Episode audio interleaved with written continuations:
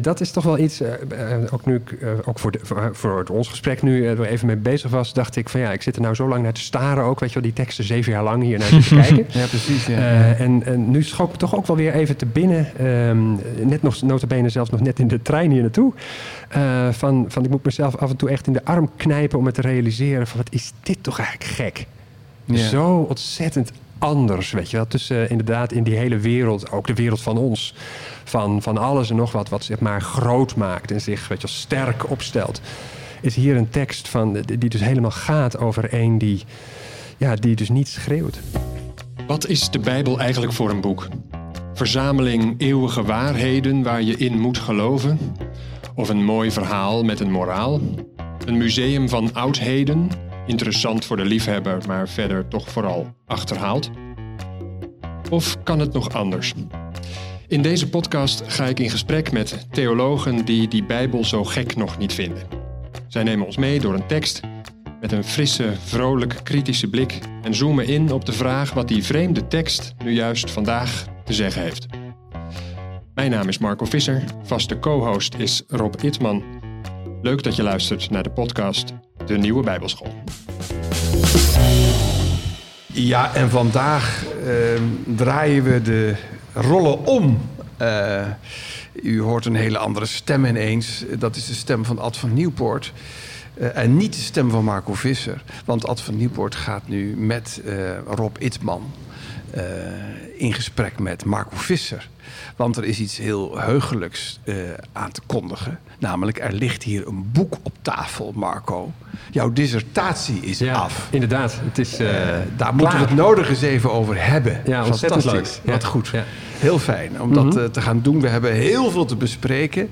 En eh, ik wil toch eigenlijk ook een beetje op de manier waarop jij dat altijd doet, eh, maar beginnen toch eens even. Wat is nou het in den beginnen van Marco Visser? Hoe is die? Hoe ben jij nu op het spoor van de theologie eigenlijk gekomen? Vertel dat eens. Ja. Ehm, ja, mijn in den beginnen, helemaal in den beginnen, ligt hier in Rotterdam trouwens. Waar Kijk wij nu ook, eh, ook nu weer de, de podcast opnemen. De bakermat. Ja, zeker. Eh, geboren hier, maar hier maar één jaar van mijn leven gewoond. En toen zijn we verhuisd eh, met dat gezin Visser ehm, naar de Flevopolder. Daar ben ik opgegroeid. Ehm, toen ben ik dus eh, na de middelbare schooltijd natuurlijk eh, in Harderwijk, overigens. Dat delen wij, hè? Ja, we zijn allebei Nassau-Veluwe alumni. Zeker. Ehm, eh, ben ik dus eh, ja, theologie gaan studeren aan de UvA. Eh, Waarom? Omdat ik eigenlijk op dat moment eenvoudig ja, en niet zo goed wist wat ik wilde. en tegelijkertijd te veel dingen interessant vond. Geschiedenis en klassieke talen en filosofie en nou, al die dingen vond ik allemaal tegelijk ehm, eh, aantrekkelijk. En eh, nou, dat, dat vond ik eigenlijk allemaal wel toch in die theologie eh, bij elkaar geraapt. Dus het was een soort escape om niet te hoeven kiezen. Kijk, Ehm, maar ben je kerkelijk groot gebracht? Ja, dat dan weer wel. Ja, dus zo kwam ik natuurlijk wel ook op dat spoor van de theologie. In die zin was het me ook niet helemaal vreemd. Wel uit een kerkelijk gezin. Ehm, ja, ik, ik, en ik zeg dat nu zo. Daarbij schiet me te binnen dat er ook nog een ander verhaal is. Want ik zeg wel van, nou ja, ik wist niet zo goed wat ik moest doen. En ik ging Je wist maar het donders de- goed. De theologie studeren. Je maar wilde eigenlijk door- al op je derde theologie studeren. ja, door mijn medestudenten is wel eens mij ingepeperd van ja, Marco, dat zeg jij nou wel. Maar in dat eerste jaar hebben we jou wel eens horen zeggen van ja, je wilt gewoon dominee worden. Ja, ja, ja. Eh, dit kan ik mij niet meer herinneren. Ja, maar Eh, toch stiekem. Iedereen maakt zijn eigen. Had je een leuke natuurlijk. dominee, Marco? Eh, Eh, ik had wel een leuke dominee. Eh, Geert Hoving eh, was eh, gereformeerde predikant in die eh, samen op weg gemeente in Biddinghuizen. eh, bij wie ik beleidenis heb gedaan en zo. Ja, dus in die zin wel. Het was, wat was een hele, een hele prettige en leuke man. Ja, zeker. Ehm, en. ehm, en jij dacht, dat wil ik ook.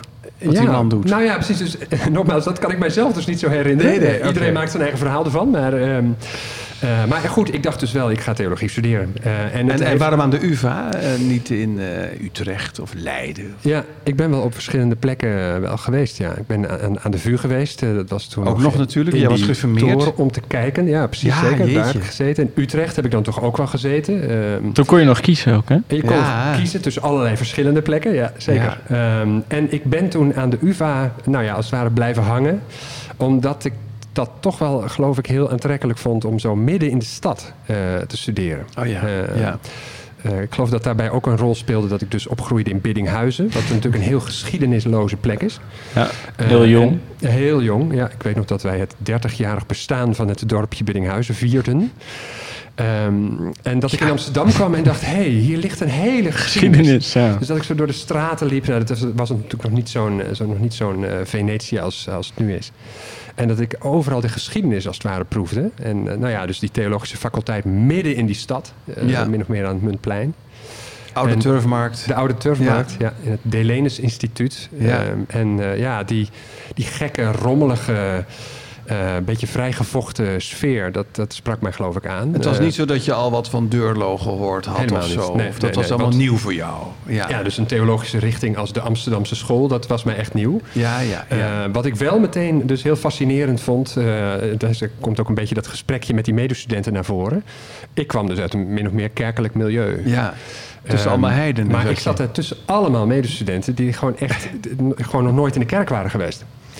Ehm, Bizar. En Ja, dat toch? was Precies, ja. echt heel interessant eh, en, en echt enorm leuk. Ja, en soms ook wel heel bevreemdend. Ja, voor beide, beide kanten natuurlijk. Voor Maar- mij was het soms echt even een eye-opener van... oké, ja, je kunt ook allerlei dingen niet van huis uit weten. Ja, en waren dat dan studenten die ook niet wisten wat ze moesten doen? Want tegenwoordig gaan ze dan naar University College. Dan heb je al, hè, ook alles in één. Maar dan Ja, kiezen ze niet voor theologie. Nou, Nee, ik denk ja. gewoon uit allerlei verschillende eh, interesses en achtergronden. Dus de een omdat hij het misschien ook niet wist. En een ander omdat hij misschien gewoon heel geïnteresseerd was in ja, de religieuze neigingen van de mens. Eh, of of eh, misschien ook wel omdat iemand een vermoeden had van... hé, hey, hier worden heel veel klassieke teksten gelezen.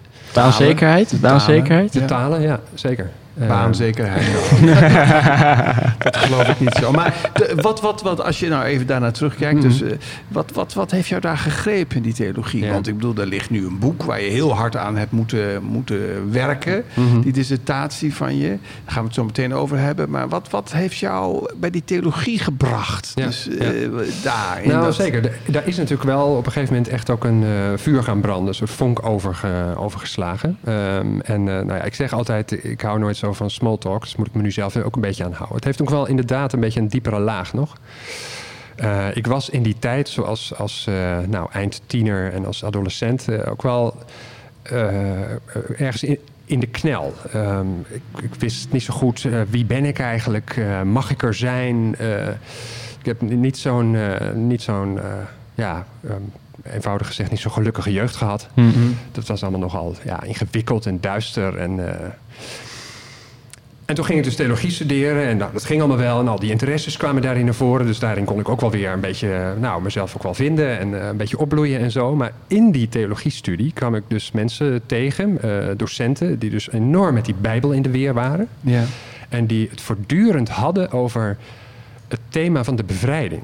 Die Ja. mij voortdurend zeiden, dit is dus een boek. En als je nou eens goed leest, ga nou maar eens goed kijken. Dan zie je voortdurend overal lijnen en verhalen, teksten, eh, woorden... die gaan over, over bevrijding, over vrij worden, over Ja, ja. de ruimte vinden. Ehm, en ik denk, ik had dat toen niet zo door, denk ik.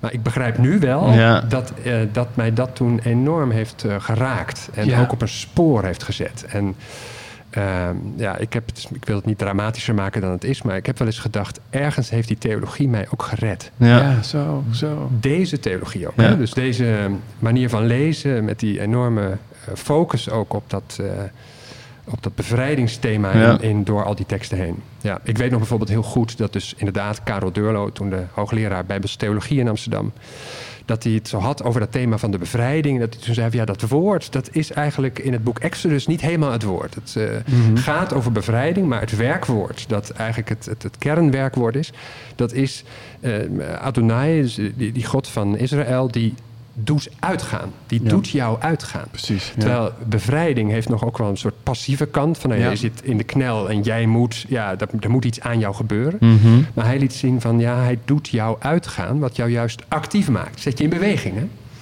Dus dat is net even door een andere vertaling, net even door een andere blik op alleen al één werkwoord. Ja. Ja, ja. ja. Ehm, eh, ik weet nog dat, eh, ja, ik zie het nog zo voor me. Eh, ik zie mezelf nog zo zitten terwijl ik dat dan hoorde. Zo, of, of nog zo'n zo. ander voorbeeld van de, van de docent exegese die wij toen eh, in die tijd eh, hadden, Jopie Siebert. Oh, ja. Eh, een hele leuke en goede vrouw. Ja. toen lazen we Exodus, inderdaad, ook weer Exodus. Begin hoofdstukken, daar was zij specialist in. En dat we het hadden over dat verhaal van de doortocht door de zee. Weet je wel, Mozes en Israël door die zee heen. Ehm, en dat wij zo ook zo als studenten ook vroegen van... Ja, hoe moet je dat verhaal nou lezen? Want jij kunt allerlei exegetische tools hebben... maar dan krijg je dat nog niet te pakken.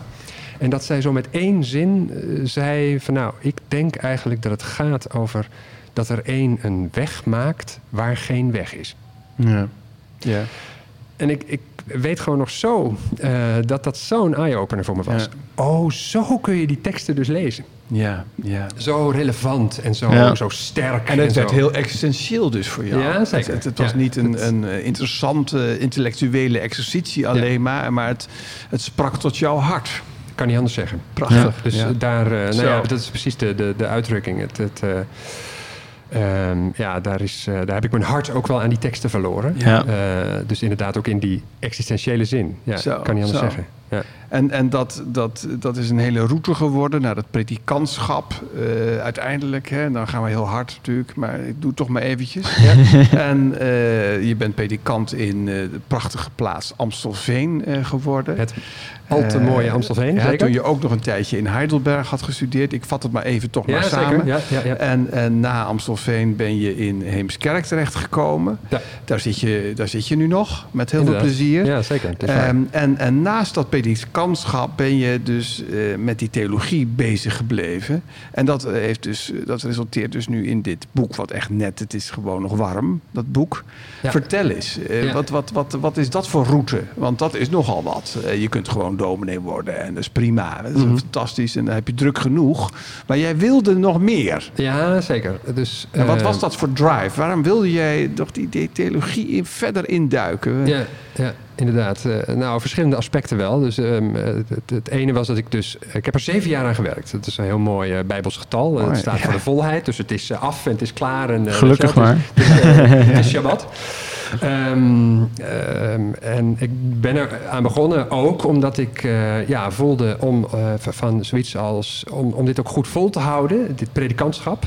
moet ik ergens ook blijven studeren. Dus moet ik ook echt als het ware een soort gedwongen worden... om steeds ook weer naar die, eh, nou, naar die grondtekst, naar het Hebreeuws... naar de exegese terug te gaan. En Dus- waarom moet je dan, waarom hou je het anders niet vol? nou, ja, dat is natuurlijk wel voor een, ja, voor, voor een deel, of ja, helemaal persoonlijk. Eh, ja, je kunt je ook in het predikantschap, zoals in zoveel eh, gebieden van het eh, mensbestaan, ook wel jezelf verliezen in allerlei dingen, in drukke agenda's, in allerlei dingen te moeten organiseren. En, en ik ja, heb zo dus gevoeld dat de, de kerk de plek is waar het om dit boek draait, waar, waar de plek waar de hoe moet ik het zeggen, waar de, waar de geest waait, die ook in die woorden waait. En de- de- ik vind ook, daar moeten we het dan ook helemaal mee doen. Ja. Eh, en om ergens ook mijzelf daarbij te blijven bepalen, heb ik ergens ook dat, dat studeren ook eh, nodig gehad. Ja, ja, precies. Eh, ja. Nou, tot op heden. dat, Ja. dat gaat natuurlijk ook verder. ja. Ehm, en ehm, en wat dus- heeft dat opgeleverd? Nou, eh, vooral ook gewoon heel veel eh, vreugde, plezier, inspiratie. Ehm, en inderdaad, de gemeente in Heemskerk heeft mij dit altijd ook heel erg gegund. Heeft geloof ik ook ergens geproefd van... eh, ja, die, die Marco Visser, die, die vaart hier ook wel bij. En, en we, we voelen ook ergens... eh, de, nou, die, die inspiratie wel. Ja. En, en dat die, Op eh, zondag merk je ja, dat. ja, dat hij gestudeerd heeft. Dat hij in die teksten gekropen is. Precies, ja, ja, precies. Dat, eh, dat stel ik me wel zo voor. En ik heb dat ook wel zo, zo teruggekregen vanuit de gemeente. En ook wel heeft men mij daar ook echt in ondersteund. Kan niet anders zeggen. Eh, eh, kom je wel genoeg aan je studie toe? Oh, mooi. Geweldig. Dat, Ja. is- dat is echt Ah, ja. heel, eh, heel goed. Nou, dat is echt... eh, Ja. dat, dat gun je iedere dominee. Even naar het thema. Het, the- Mhm. het thema van je boek. Kun je daar iets over zeggen? Zeker. Eh, de titel is eh, Pars pro toto, Ja. kort gezegd. Maar wat betekent dat? Ja, dat klinkt een beetje als, eh, als een, een slagwoord, als een soort eh, geheimcode, eh, pars pro toto. Ehm, dat betekent, het is natuurlijk een Latijn, betekent het deel representeert het geheel. Hm. Eh, eh, ik, ik zal zo zeggen wat het is. Hè. Dus de, de ondertitel luidt ehm, eh, onderzoek naar de denkfiguur van het pars pro toto bij eh, de theoloog Breukelman. En uitwerking van die denkfiguur aan de hand van de teksten over de knecht van Adonai in Jezaja. Ja. Ehm, en, ehm, maar het- eh, even terug naar opnieuw ook in den beginnen. Eh, het, het vertrekpunt is voor mij eh, de, de vraag van hoe, hoe zit dat? Dat wij die Bijbel lezen. En hoe komt het nou eigenlijk dat, dat wij die Bijbel als, als actueel ervaren en op onszelf kunnen betrekken? Dus dat er ergens ook een universele menselijke betekenis in zit. Uh, dus, dus dat wij ergens uh, iedere keer weer, nou ja, in de kerk zondag aan zondag en, en sowieso ook waar ook maar aan tafels. Um, dat wij dus die Bijbel lezen en het gevoel hebben, dit gaat over ons. Hoe kan dat eigenlijk? Nou, zijn Even voor de helderheid, heel veel mensen ervaren dat helemaal niet zo. Hè? Die, die, die, dat dat zo is. Die, die lezen die Bijbel denk je, goed, dat moet je Waar gaat dit gaat over? over? Ja, nee, zeker. Dat, dat, dat hoe is zo. komt het dat, dat, dat die actualiteit zich zo aan je opdringt? Mm -hmm. In mijn geval bedoel je? Ja. ja. Nou, dat heeft dan misschien ook wel uh, met, met dit thema te maken. Ja, interessant. Uh, dus dat, dat ik dit, dus de Bijbel zo heb leren lezen als hoe ik het nu ook heb onderzocht. Kijk, een antwoord op die vraag van hoe komt het dat die Bijbel voor ons uh, relevant is, is uh, bijvoorbeeld natuurlijk in de kerkgeschiedenis al, altijd wel weer geweest, ja, uh, omdat het Gods woord is. dat is gewoon zo. Oh, en, ja. dus, ja. en dus komt het gewoon naar je toe en moet je er naar luisteren. Punt. Nou, dat is natuurlijk maar inderdaad zeer de vraag of mensen dat dan wel zo ook, ja, of mensen dat wel zo voelen. Ja. dat kan ook ontzettend langs je heen gaan. Precies. Um, een andere route is natuurlijk ook wel geworden, uh, natuurlijk vooral heel erg sinds de 19e eeuw, maar ook wel tot op vandaag in de, in de exegetische wetenschap. Uh, van ja, die Bijbel is natuurlijk inderdaad heel ver weg en heel lang geleden. Dat is een historisch oud document, boek. oud ja. boek. Ja. Dus daar moeten we historisch onderzoek naar doen. Nou ja, en eventueel um, zou je dan als gelovige lezer, kun je het dan op jezelf betrekken. Dat moet jij dan als gelovige lezer, als het ware met je geloof, met je gelovige bril, moet jij dat doen. Ja, alleen lukt dat. Uh, dan. Uh, precies. En alleen dan lukt het, want voor de rest staan die teksten gewoon te ver van je precies. af. Dat zijn, je moet als het ware als een archeoloog naartoe. En toen was daar uh, een zekere theoloog, Frans Breukelman, in de vorige hm. eeuw. Uh, in Amsterdam, uh, toen ik aan de UvA ging studeren, was hij er net niet meer. Nee. Ik ben van na zijn tijd. Ik heb hem niet gehoord, maar hem niet meegemaakt, maar hem alleen gelezen. Hmm. Wat trouwens wel een uitdaging op zichzelf is, want het schijnt dat hij echt een spreker was. dat kun jij bevestigen, denk ik. Ik wil zeggen, dat is altijd niet onbekend. Nee. Dat is. Is hier aan deze tafel ook al eens eerder genoemd. Zeker. en, en zijn teksten zijn best wel wat weerbarstig ook. Hij was niet zo'n schrijver, maar heeft toch, toch uiteindelijk nog heel wat op papier gekregen. en daarin in, nou, brengt hij dus deze denkfiguur van het pars pro toto naar voren.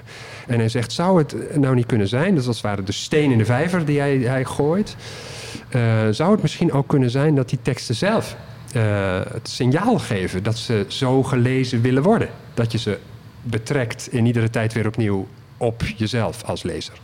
Dus zit het in die teksten zelf misschien ergens besloten. Um, en, um, en dat is de tekst die nu ook voor ons ligt. Want we gaan lezen, dat, dat is eigenlijk, zit, het, zit het erin. Dus dat, dat, uh, dat zit erin, inderdaad. Kijk, bij hem zelf is, is een van de kroongetuigen van, van deze denkfiguur... Van, van, van het particuliere van die tekst... representeert ergens het, het, het geheel. Een van de kroongetuigen daarvan is uh, Genesis 12. Uh, kijk, Breukelman is vooral met Genesis bezig geweest. En daaraan, aan die teksten, heeft hij die denkfiguur ontwikkeld.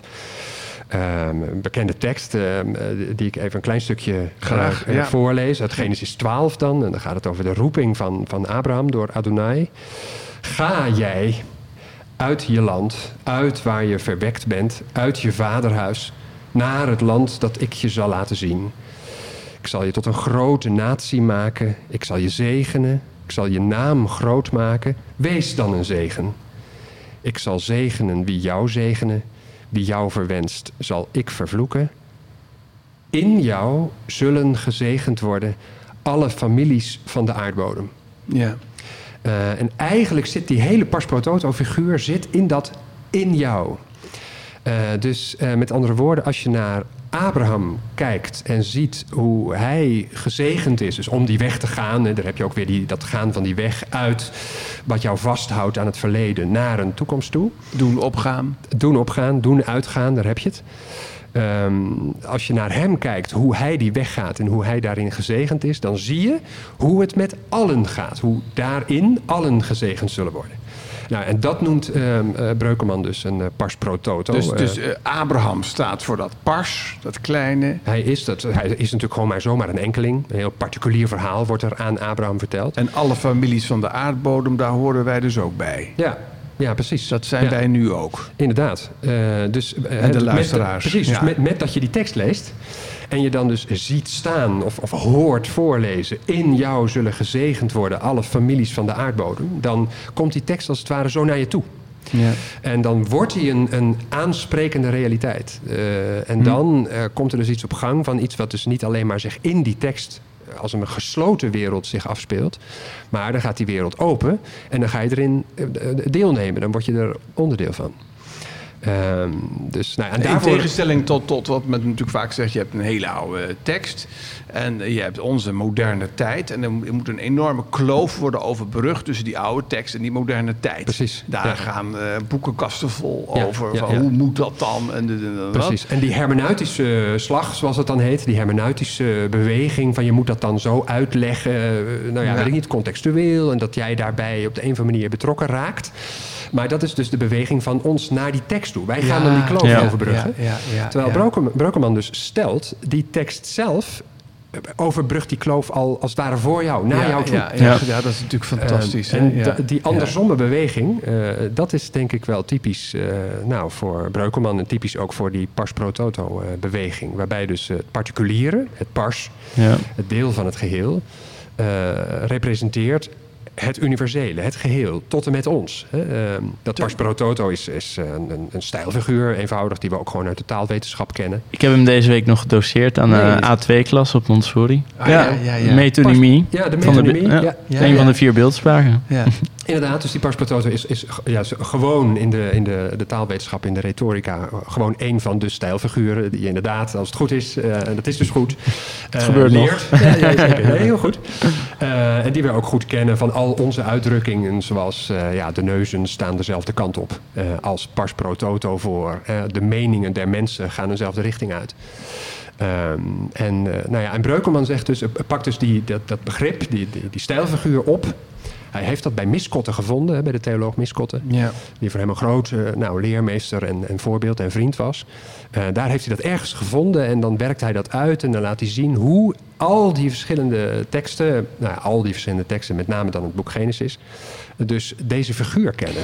Het is, dus, en het is een stijlfiguur, een literaire stijlfiguur, die tegelijk dus dan heel theologisch geladen is. Eh, Kun je dat zo zeggen? Dus Precies het is, zo. eh, dat, Ja, is, inderdaad. dat is het Dus- bijzondere van, Ja. van hoe dat in de Bijbel dan functioneert volgens Breukelman. Ja. Ja, Dus het is iets wat, zich, eh, wat in het verhaal voorkomt als stijlfiguur. ja. Maar Breukelman vertaalt dat dan ook, hè, door, door inderdaad ook te, te, te zeggen van ja, maar die tekst die gaat open en, en begrijpt jou als lezer erbij in. Ja. Daardoor maakt hij het ook tot een figuur die eh, iets zegt over een beweging tussen de tekst en de lezer. Niet ik Eh, begrijp de tekst, maar de tekst begrijpt mij. Ja, die, die geeft dus het signaal van ik omvat jou al. Je bent hierbij in, inbesloten. Ja, ja. Ah, mooi. Ja, Ehm. Dus, eh, nou, en dit is, dit is waar die studie over gaat. Dus eh, waar mijn onderzoek eh, al die zeven jaren lang over gegaan is, is deze figuur. Ik heb dat dus bij, bij Breukelman uitgezocht. Van hoe spreekt hij daar precies over? En geprobeerd dat zo goed mogelijk in kaart te brengen. Er zijn natuurlijk ook anderen die er iets over gezegd hebben. Ook anderen die er iets tegen ingezegd hebben. En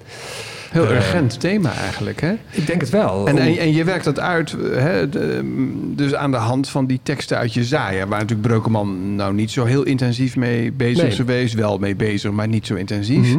Waarom heb je daarvoor gekozen? Waarom ben je niet in Genesis gebleven? Ja, eh, nou, misschien ook- ook wel een beetje uit een soort eigen wijsheid. nou, ik kan wel ook wel zelf met eigen teksten aan de Ja. slag. Hè? Ja. Ja, nee, begrijp Eh, ik. dus ja. het, dat was ook wel een beetje een gevoel van, eh, van nou, daar ligt ook nog een heel braakliggend gebied eh, Ja. eh, waarmee ik aan de slag kan. Eh, ook wel met een soort nieuwsgierigheid van, nou, inderdaad, Breukelman laat dat zien. Deze leeswijze, deze denkfiguur aan de hand van dat boek Genesis. eh, lukt het nou om, om, dat ook, om die lijn ook door te trekken? Om, om ook in andere delen van de Bijbel eh, dit terug te vinden? En is er dan misschien ook wel in andere delen van de Bijbel ook nog wel meer over te leren? Ook over die, deze pars pro toto figuur. En nou ja, daarom heb ik dus die, die teksten mm, onder de loep genomen van uit Jezaja over de zogenaamde knecht van Adonai. En moet Ja. ik dat dan voor me zien? De- dat je die tekst letterlijk eh, met, met het potloodje af bent gegaan op zoek naar, naar het stelfiguur? Ja. Nou, dat, dat, eh, dan ben je zeven jaar bezig. Dan ben je zeker mee bezig. Eh, ja, ik, ik, eh, ja, het is wel mooi, denk ik, inderdaad, om even naar één van die teksten Ja, te laten we dat gaan. doen, laten we dat doen, ja. eh, een van die teksten die daarover over, dus over die knechtgestalte eh gaan. Ehm, Ik heb een tekst meegebracht uit uh, Jezaja 42. Uh, dus we komen inderdaad echt even in een beetje... Ja, laat een maar ander- zien hoe jij dat toen doet. Eh, hoe je dat ja, hebt gedaan. Ja. Ja. We komen echt een beetje in een ander deel van de Bijbel eh, terecht. Eh, in Genesis staan natuurlijk veel verhalen die ook echt wel een beetje bekend zijn. Zoals Abraham, Isaac, Jacob, Jozef en, en zo. Die teksten heeft Brokeman echt nou, fantastisch geëxegetiseerd. Ehm, ja, Jezaja is een beetje een onbekender boek. Het is ook een heel moeilijk boek. Het is een heel groot profetisch boek vol met eh, ja, poëtische teksten. Dus we, we gaan nu ook een stukje poëzie lezen. Ehm, even vooraf wat de situatie nu is. Eh, in dat boek Jezaja eh, wordt nu, we vinden ons een beetje halverwege, wordt de situatie geschetst van de Babylonische ballingschap. Eh, dus Israël zit in ballingschap, in de, in de ellende, hè, letterlijk eh, etymologisch verklaard als, als uitlandigheid in, de, eh, in, in het vreemde. Eh, en er, er kondigt zich misschien wel iets aan van een soort uittocht, een soort terugkeer naar het land. Want even, waarom zitten ze in ballingschap? Misschien even, hoe komt dat? hoe zijn ze eh, daar terechtgekomen? nou ja, eh, precies. Eh, kijk, Israël is maar eh, in de wereld van de Bijbel echt een, een, een klein, onbeduidend volkje in die landstrook aan de Middellandse Zee. Eh, het, het schijnt wat strategisch eh, te liggen, zo dat voortdurend daar in dat Canaan alle wereldmachten eroverheen denderen en het weer innemen. En er komt weer de volgende wereldmacht. En eh, zo is er al Egypte geweest en dan is er Assur. Ehm, eh, dat ehm, eh, Israël overruled en kapot maakt. En dan tenslotte komt de wereldmacht Babel. Ehm, en ja, die verwoesten het land, eh, verwoesten de tempel... eh, en nemen dus dan de, de bovenlaag van het, eh, van het volk Israël in ballingschap mee. Maar dat Ja, is echt een omdat- historisch eh, antwoord wat je nu geeft. Nou hè? nee, dit is ook het, het, het verhaal van de teksten. Ehm, en eh, ja, ik denk dat het... eh, Komt dat overeen dan? Eventjes toch? Nou ja, kijk, ehm, hoe dat dan historisch ziet, eh, zit, dat is natuurlijk altijd heel lastig Ja. te achterhalen. Het is tekstwerkelijkheid, Ja. zou ik zeggen. Ja, ja. En dat betekent ook dat je, dat je die verhalen over ballingschap ook, eh, nou ja, zoals we nu al met, de eh, teksten bezig zijn, inderdaad metaforisch ook moet lezen. Dus inderdaad ook, ook met, met dit verhaal weer niet eh, van, oh, dat was dus toen wat interessant. Nee, precies. Maar het gaat dan ook over, over ballingschap in de zin van ellende. In de zin van je bent niet daar waar je wezen moet. Eh, maar je zit in de crisis. In de knel. Hè. Dus, hè, zoals ik het net een beetje persoonlijk over mezelf eh, zei. eh, Over mijn eigen Ja, geschiedenis. Zo ja. kun je dat denk ik ook op een samenleving. Op een volk. Op mensen samen ja, eh, betrekken. En, en daar gaan daar, de- deze verhalen denk ik echt over. heel actueel dus. Ja. Al meteen. crisis, machten die zich groot maken, weet je wel. eh, ehm, ja, daar gaat het over. En dat Israël, dat, dat, dat zit daartussen en, en ja, weet geen uitweg. En, en voelt zich echt in de, eh, ja, in de ballingschap, ook in metaforische zin. Eh, en dan is het dus in die crisis en in die onzekerheid van... oh god, kunnen we nog weer een keer terug? Eh, tussen die omringende machten. Ehm, eh, dat er ineens, dat komt echt een beetje uit de lucht vallen... dat er ineens een, een hele raadslachtige figuur op het toneel komt. En dat is dus die knecht. Dat is iemand die een de knecht wordt genoemd. Die voert de profeet op. Eh, in die profetische teksten, door de profeet, wordt ineens ja, een, een knecht op het toneel gezet. Licht uit, spot aan, daar staat ineens een, een knecht. Een knecht. gestalte. En wat is dat? Wie is dat dan, Ja. die knecht? Nou, precies. D- eh, dat is dus heel fascinerend, eh, want dat is dus raadselachtig wie dit is. Eh, en in sommige van die teksten komt heel duidelijk naar voren dat het Israël is. Dus dan heeft hij heel duidelijk een collectieve functie. Dan krijg je in hem te zien wat het lot van het hele volk is. Terwijl hij tegelijkertijd ook een soort individualiteit heeft. Dus hij spreekt ook tot het volk, bijvoorbeeld. Hij is ook een Die eigen aparte Ja. figuur, die, Oh ja. eh, die knecht. De eh, knecht zelf heeft geen naam. Nee, precies. En dat is dus heel interessant dat hij als het ware een soort anonieme eh, figuur blijft. Een soort geheim, een raadselachtig iemand. Die dus wel het lot van dat volk ook op zijn nek heeft. En hij is ergens Israël. En tegelijkertijd is hij een soort geheimzinnige ander. En juist omdat er dus eh, dat, dat spel is in die teksten tussen dat individuele en het collectieve. Nou, daarom heb ik deze teksten juist Ja, genomen ja, om ja. mee aan de slag te gaan met dus die pars pro toto Ja. Want dat is wel uniek voor Jezaja, die knecht. Dit komt alleen hier zo Ja. voor. Ja. Ja. Nou, nu ga ik lezen.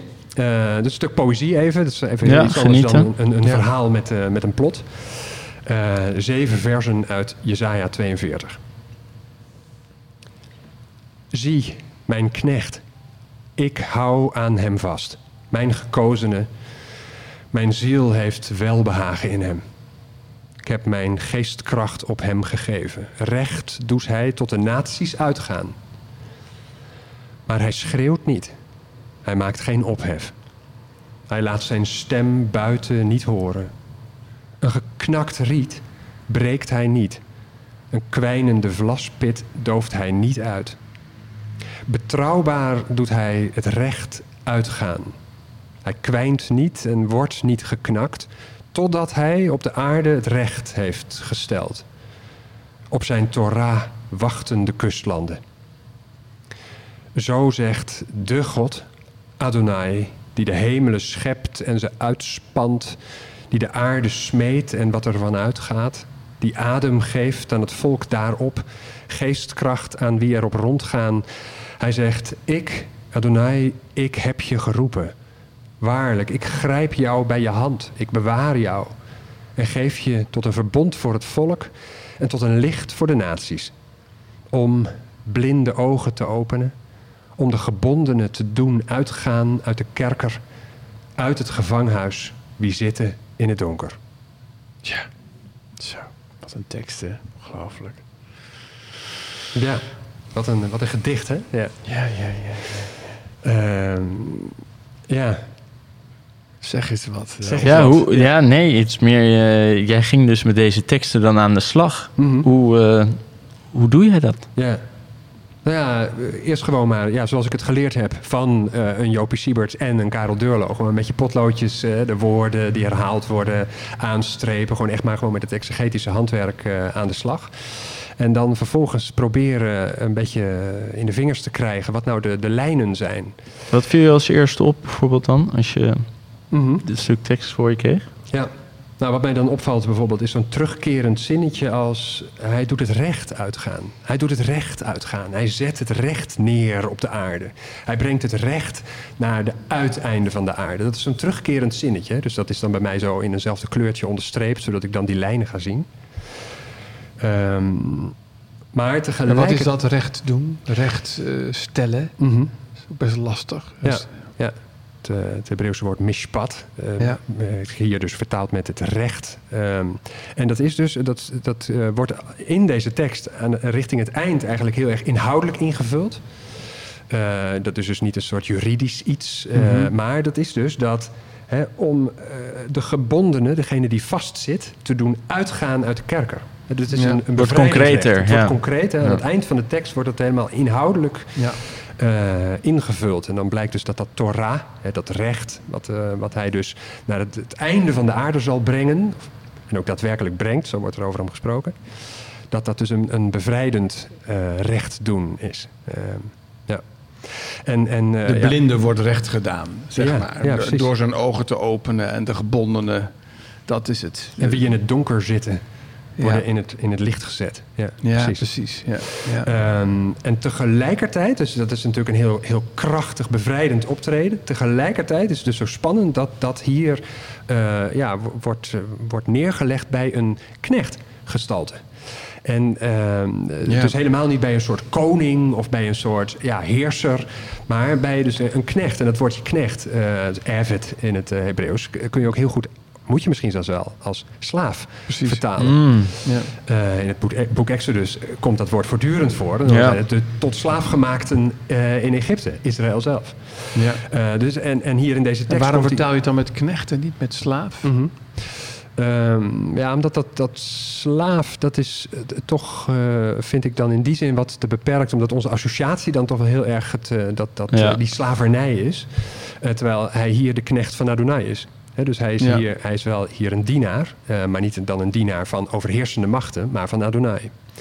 Maar toch tegelijkertijd ook, ja, het is niet, dus, niet alleen maar een soort, weet ik niet, een soort eretitel of zo, maar het is ook echt dat, dat iets van die nederigheid en iets van dat, die echte eh, dienstbaarheid klinkt er ook in door.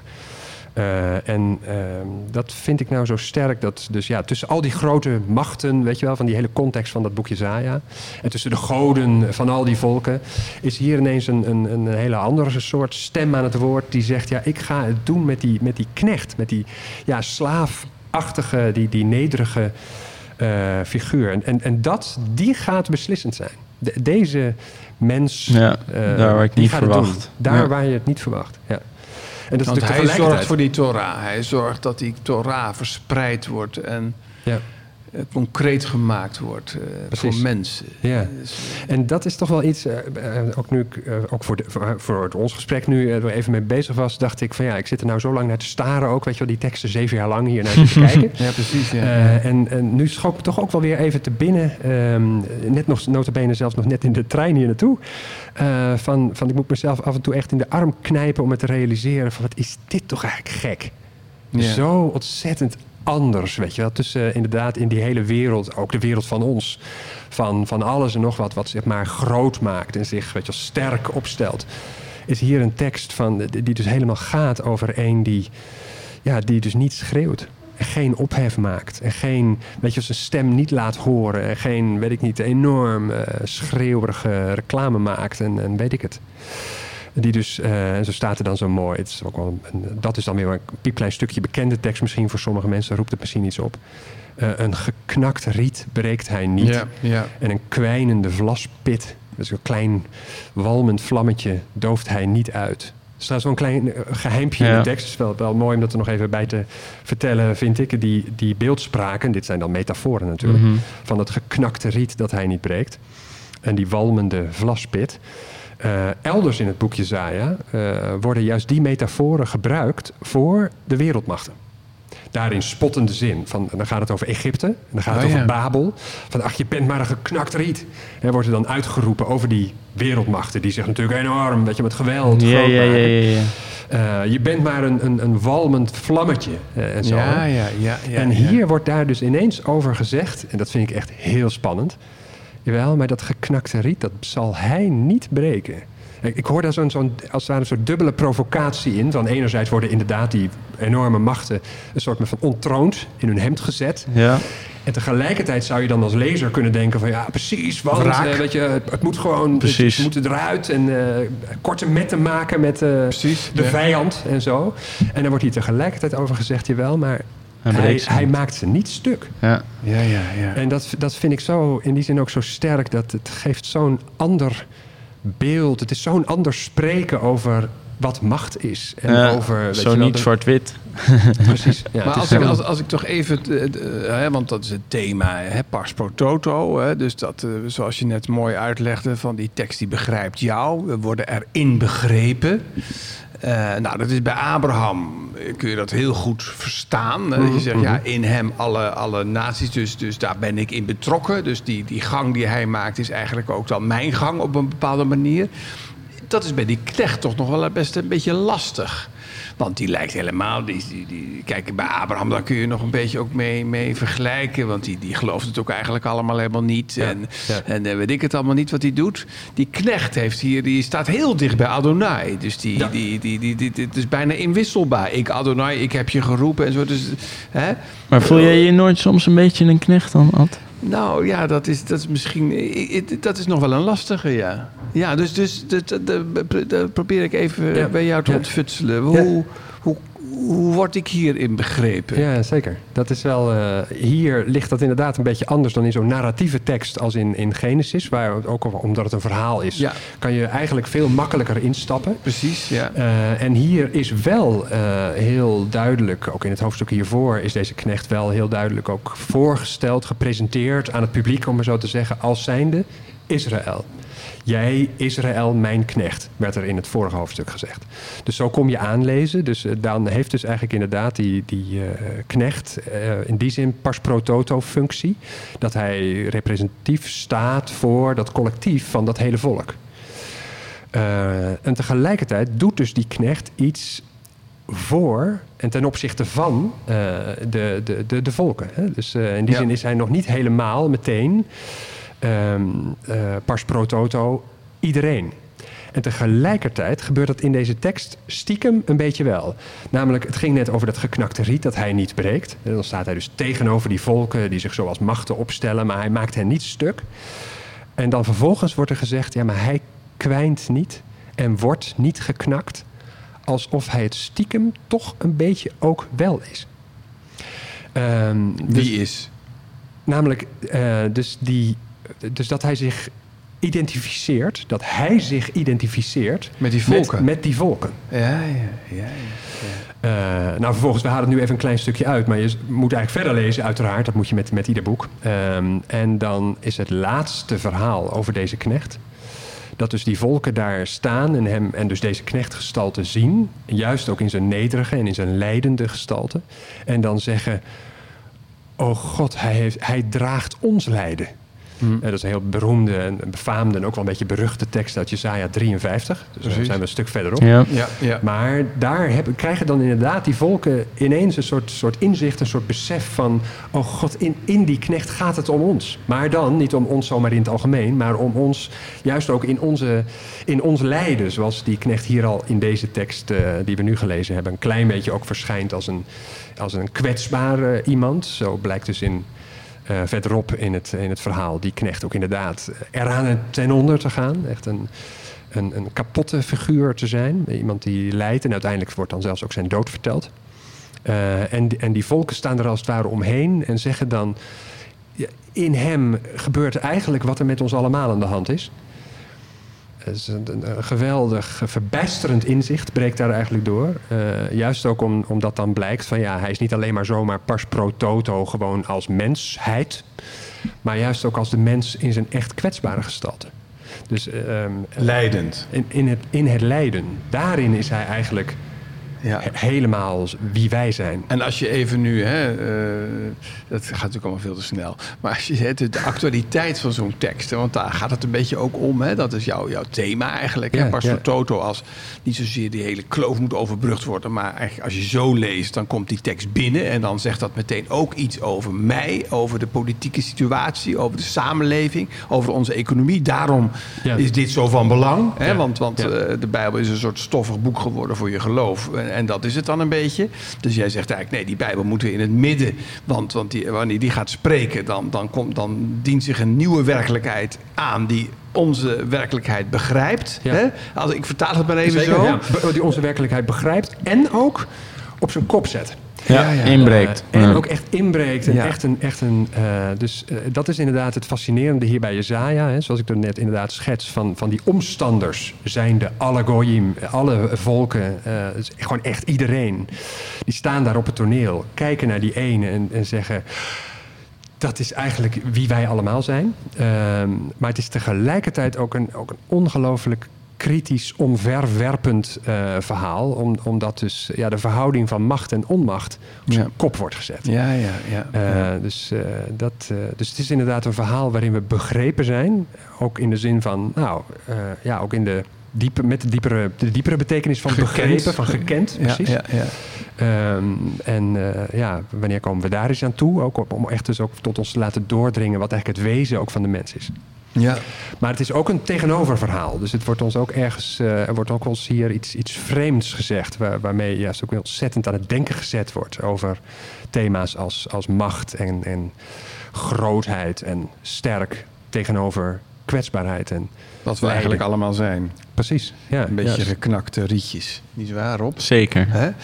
Ook hier in Rotterdam. Maar ehm, eh, dit is fantastisch. Eh, We zouden hier nog uren over kunnen doorpraten. Maar dat, eh, we gaan, want dat is nog wel natuurlijk interessant. Deze studie ehm, biedt eigenlijk, of reikt als het ware iets aan wat deze tijd hard nodig heeft. En dat is een soort. want we zitten in een soort impasse. Natuurlijk eigenlijk in de kerk. Waar gaat het eigenlijk ook wel precies Mhm. over? Ik denk, ben je dat met me eens of, of niet? Dat hè? Nou ben ja. ik met je eens. ja. En, en, en dit is eigenlijk een soort uitweg uit die impasse, Marco. Zou je dat zo kunnen zeggen? Ja, Eh, ja dat, dat denk ik eigenlijk, ja. Dus ehm, ja, ik, ik wil mezelf nu niet zo op het eh, Nee, schild hijsen. Maar deze studie, manier van ja. lezen, hè, Ja, ehm, precies. die is denk ik wel in die zin echt... eh, nou, dat, dat, dat geeft ons nu denk ik echt te denken. Juist omdat we worden ten, ten eerste dus worden teruggebracht bij die, bij die teksten zelf. Om vervolgens dan te merken dat in die teksten zelf het over ons gaat. ja.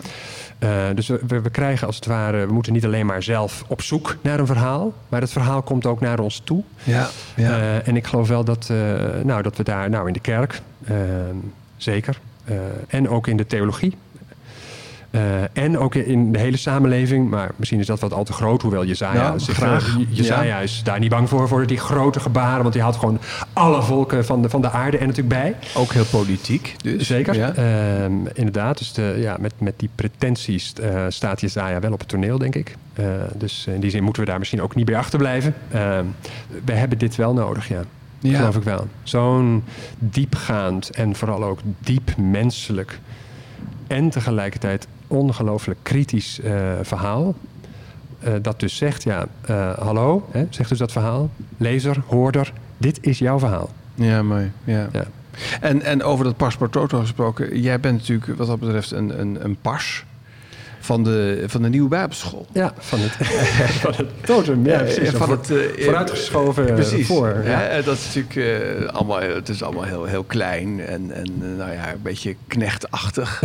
Maar het is, ons best. eh, wat is het? Het is één dag in de week. eh, de- we hebben het toch voor elkaar gekregen om mensen, hè, allerlei mensen, onze donateurs hebben ons geholpen om het mogelijk te maken dat jij namens die hele traditie waar we, waar we Ja. enorm van leven, dat jij namens eh, ja, gestationeerd bent aan de Protestantse Theologische Universiteit Ja. voor een dag in de week. Hoe, dus ziet die, hoe eh, ziet die dag eruit? Eh, wat, wat doe je eigenlijk Ja, precies, zeker. Dus dit, heb ik de afgelopen nou, kleine twee jaar tot nu toe gedaan. Ehm, dus Deze vol, studie? volop helemaal predikant. Ehm, en dus deze, dit onderzoek gedaan. Eh, dus voor een deel dan ook binnen die eh, eh, dag in de week aan de universiteit. En ook gewoon heel veel, met, met veel plezier in mijn, in, mijn eigen tijd. Thuis. Ehm, eh, maar en, en gaandeweg voelde ik me ook wel geroepen om, om, om wat contact te leggen met studenten. En nou is dat heel lastig, want ik, ik zit zo op zo'n onderzoeksplek, zoals het dan heet, aan de, aan de universiteit. En dan zit je nog niet automatisch in het onderwijs. Dus dan, dan heb je nog niet zomaar ook het contact met, met studenten. Maar toen geschiedde de coronacrisis.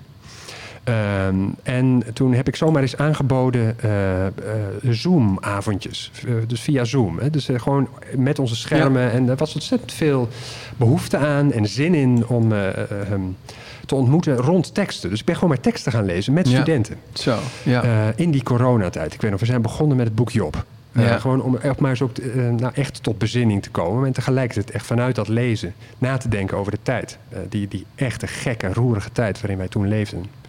En Jona gelezen. ehm, en eh, nou, noem maar op. Elia gelezen. Nou, dat waren studenten die je nog niet eerder had eh, gezien? Of, Studenten uit alle jaarlagen, dus mensen die net begonnen, mensen die hun eindscriptie al hadden, hadden eh, geschreven en die hun, hun eh, Die, eh, ma- die, die, liet jij kennis maken met deze manier van lezen. Ja, precies. Ja. En, en dat, was, dat leverde zo eh, leuke en frisse en goede gesprekken op. En een eye-openers denk ik toch ook wel. En, en ook wel zin van, oh god, ja, die Bijbel die kun je dus zo op deze manier Ja.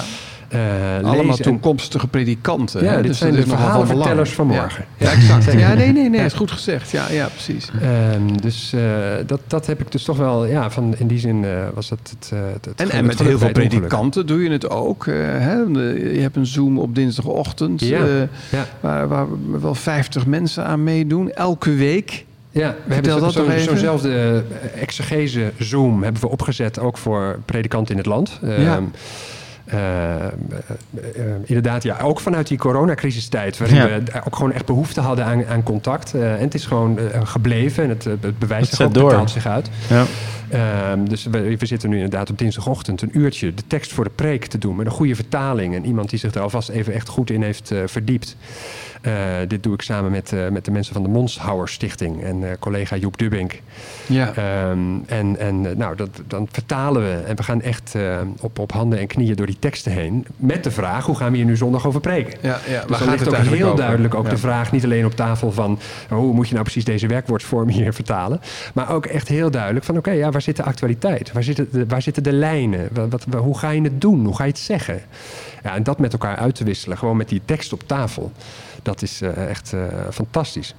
Dus het is eh, ontzettend mooi om te merken dat, dat we inderdaad vanuit de, de nieuwe Bijbelschool, maar dan ook met die plek ook aan de, aan de Ja. predikantsopleiding, in contact met studenten en, en allerlei anderen. Ehm, dit, eh, deze manier van lezen ook kunnen voortzetten. Ja, want dat is natuurlijk even nu het punt. Hè. Dus eh, jij gaat promoveren, eh, hopelijk nog dit jaar. Hè. Daar hopelijk gaan we voor. Dat in, proberen we in, te in plannen zo. december. Ja. En, en dan zou het betekenen dat je per 1 januari... wordt dan jouw aanstelling nog verlengd. Hè. Dat mag nog voor twee jaar, heb ik begrepen. Hè. Ja, ja, dat en, is de en, opzet. ehm, en daar moeten we dus als nieuwe Bijbelschool stevig aan, aan bijdragen. Hè. De, de PTU wil ook wel een deel financieren, maar wij moeten het twee derde deel van die plek. eh, en, en waarom moeten die donateurs daarachter gaan staan? Ja. Wat is nou het belang hiervan? Wat, wat mist Theologisch Nederland en de PTU en de kerk als jij daar niet zit? Mhm. Ja. Misschien mogen we met die. eh, Succes. ja, ja, Ja, ehm, volgens mij kun je dat heel goed zeggen. Nou, ik, ik denk dat we het eigenlijk al gezegd hebben. Namelijk eh, dat, dat deze manier van lezen daarin wel echt een, een bijzonderheid is. En, en eh, ook echt eh, heel aansprekend is. Tenminste, nou, dat, dat zeg ik dan nu ook even gewoon persoonlijk. zo- Zoals het mij ook zelf eh, aanspreekt. En waar ik zelf ook warm van word. Het is en eh, gewoon echt heel grondig, degelijk. Weet je wel, met je vinger bij de tekst. En het is ook, het, het moet ook, het is ook wel een drive van mijzelf. Het moet ook academisch gewoon ook echt goed kloppen. Natuurlijk met name in dat werk met de studenten en eh, in het werk aan de universiteit. Eh, dat, moet, dat, dat moet dan ook goed zijn. Maar tegelijkertijd ehm, moeten daarin de theologische lijnen wel ook helemaal meekomen. Weet je, de grote lijnen, waar gaat het dan over? Wat betekent dat dan eigenlijk wel niet theologisch gezien als je zo leest, als je deze dingen tot in detail ontdekt? Eh, en tegelijkertijd eh, gaat dat hand in hand met, eh, met, de, met de lijn naar de, naar de actualiteit. En dus Ja. en no- nogmaals niet om, omdat wij nou zo actueel in elkaar zitten, omdat wij nou zo allemaal ontzettend de krant zitten te lezen, maar omdat dat vanuit die teksten zelf, eh, Ja. als het Ja. ware, van ons Ja, gevraagd wordt om, om daar op die manier over, over na te denken.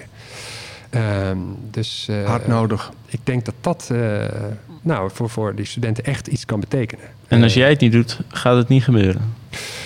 Eh, nou, ik werk nu op dit moment eh, samen met een aantal andere eh, docenten. Ik mag ook een deel college geven. eh, en die, eh, nou, ik, ik ben eigenlijk ook wel onder de indruk van wat, wat zij doen. Maar deze echt integrerende manier van bijbelezen, ik denk dat dat echt onze inbreng is. Integrerende manier van bijbelezen. Integrerend, hè? Fantastisch. Ik heb hem vasthouden. genoteerd. Dat. Is heel belangrijk, Rob. Ja, fantastisch. Nou ja, Verhaalwerkelijkheid Ik- of tekstwerkelijkheid. Vond ik ook een. Werkelijkheid. ik denk dat als de donateurs hier naar luisteren... dat ze nou meteen naar hun portemonnee grijpen en zeggen... wij gaan dit ondersteunen, zoveel is het ook weer niet. Eh, u leest daarover in, eh, in de nieuwsbrief. Eh, verder hoe we dat vorm gaan geven... en, en wat we nodig hebben om, om ja, deze knecht op, ehm, hè, op de PTU zijn werk te kunnen laten doen. Tot zegen van alle families van de aardbodem. Inclusief wij zelf. Ik ben gezegend, Rob. Ik weet niet of jij dat ook zo hebt ervaren. Maar ik ben Absoluut. weer enorm geïnspireerd door jou, Marco. Fijn. Geweldig hoe je dit doet. En ik, ja, dat smaakt natuurlijk enorm naar meer. En eh, nou, we hopen natuurlijk dat we dat nog ook eens een, op een studiedag nog eens breed uit kunnen uitmeten. Ook naar, naar onze mensen toe. Van Ja, eh, wat, jij, wat jij verder nog aan ontdekkingen ook in Graag. dat Jezaja-boek eh, hebt gedaan. Heel veel dank voor deze eh, inspiratie. En eh, nou ja, we, we gaan natuurlijk in december dat meemaken. En dat feest met jou vieren. Ja, Kijk ik, er er, enorm naar uit. ik zie er ook ontzettend naar uit. Ja. Bedankt, jullie ook. Ja, bedankt. Leuk.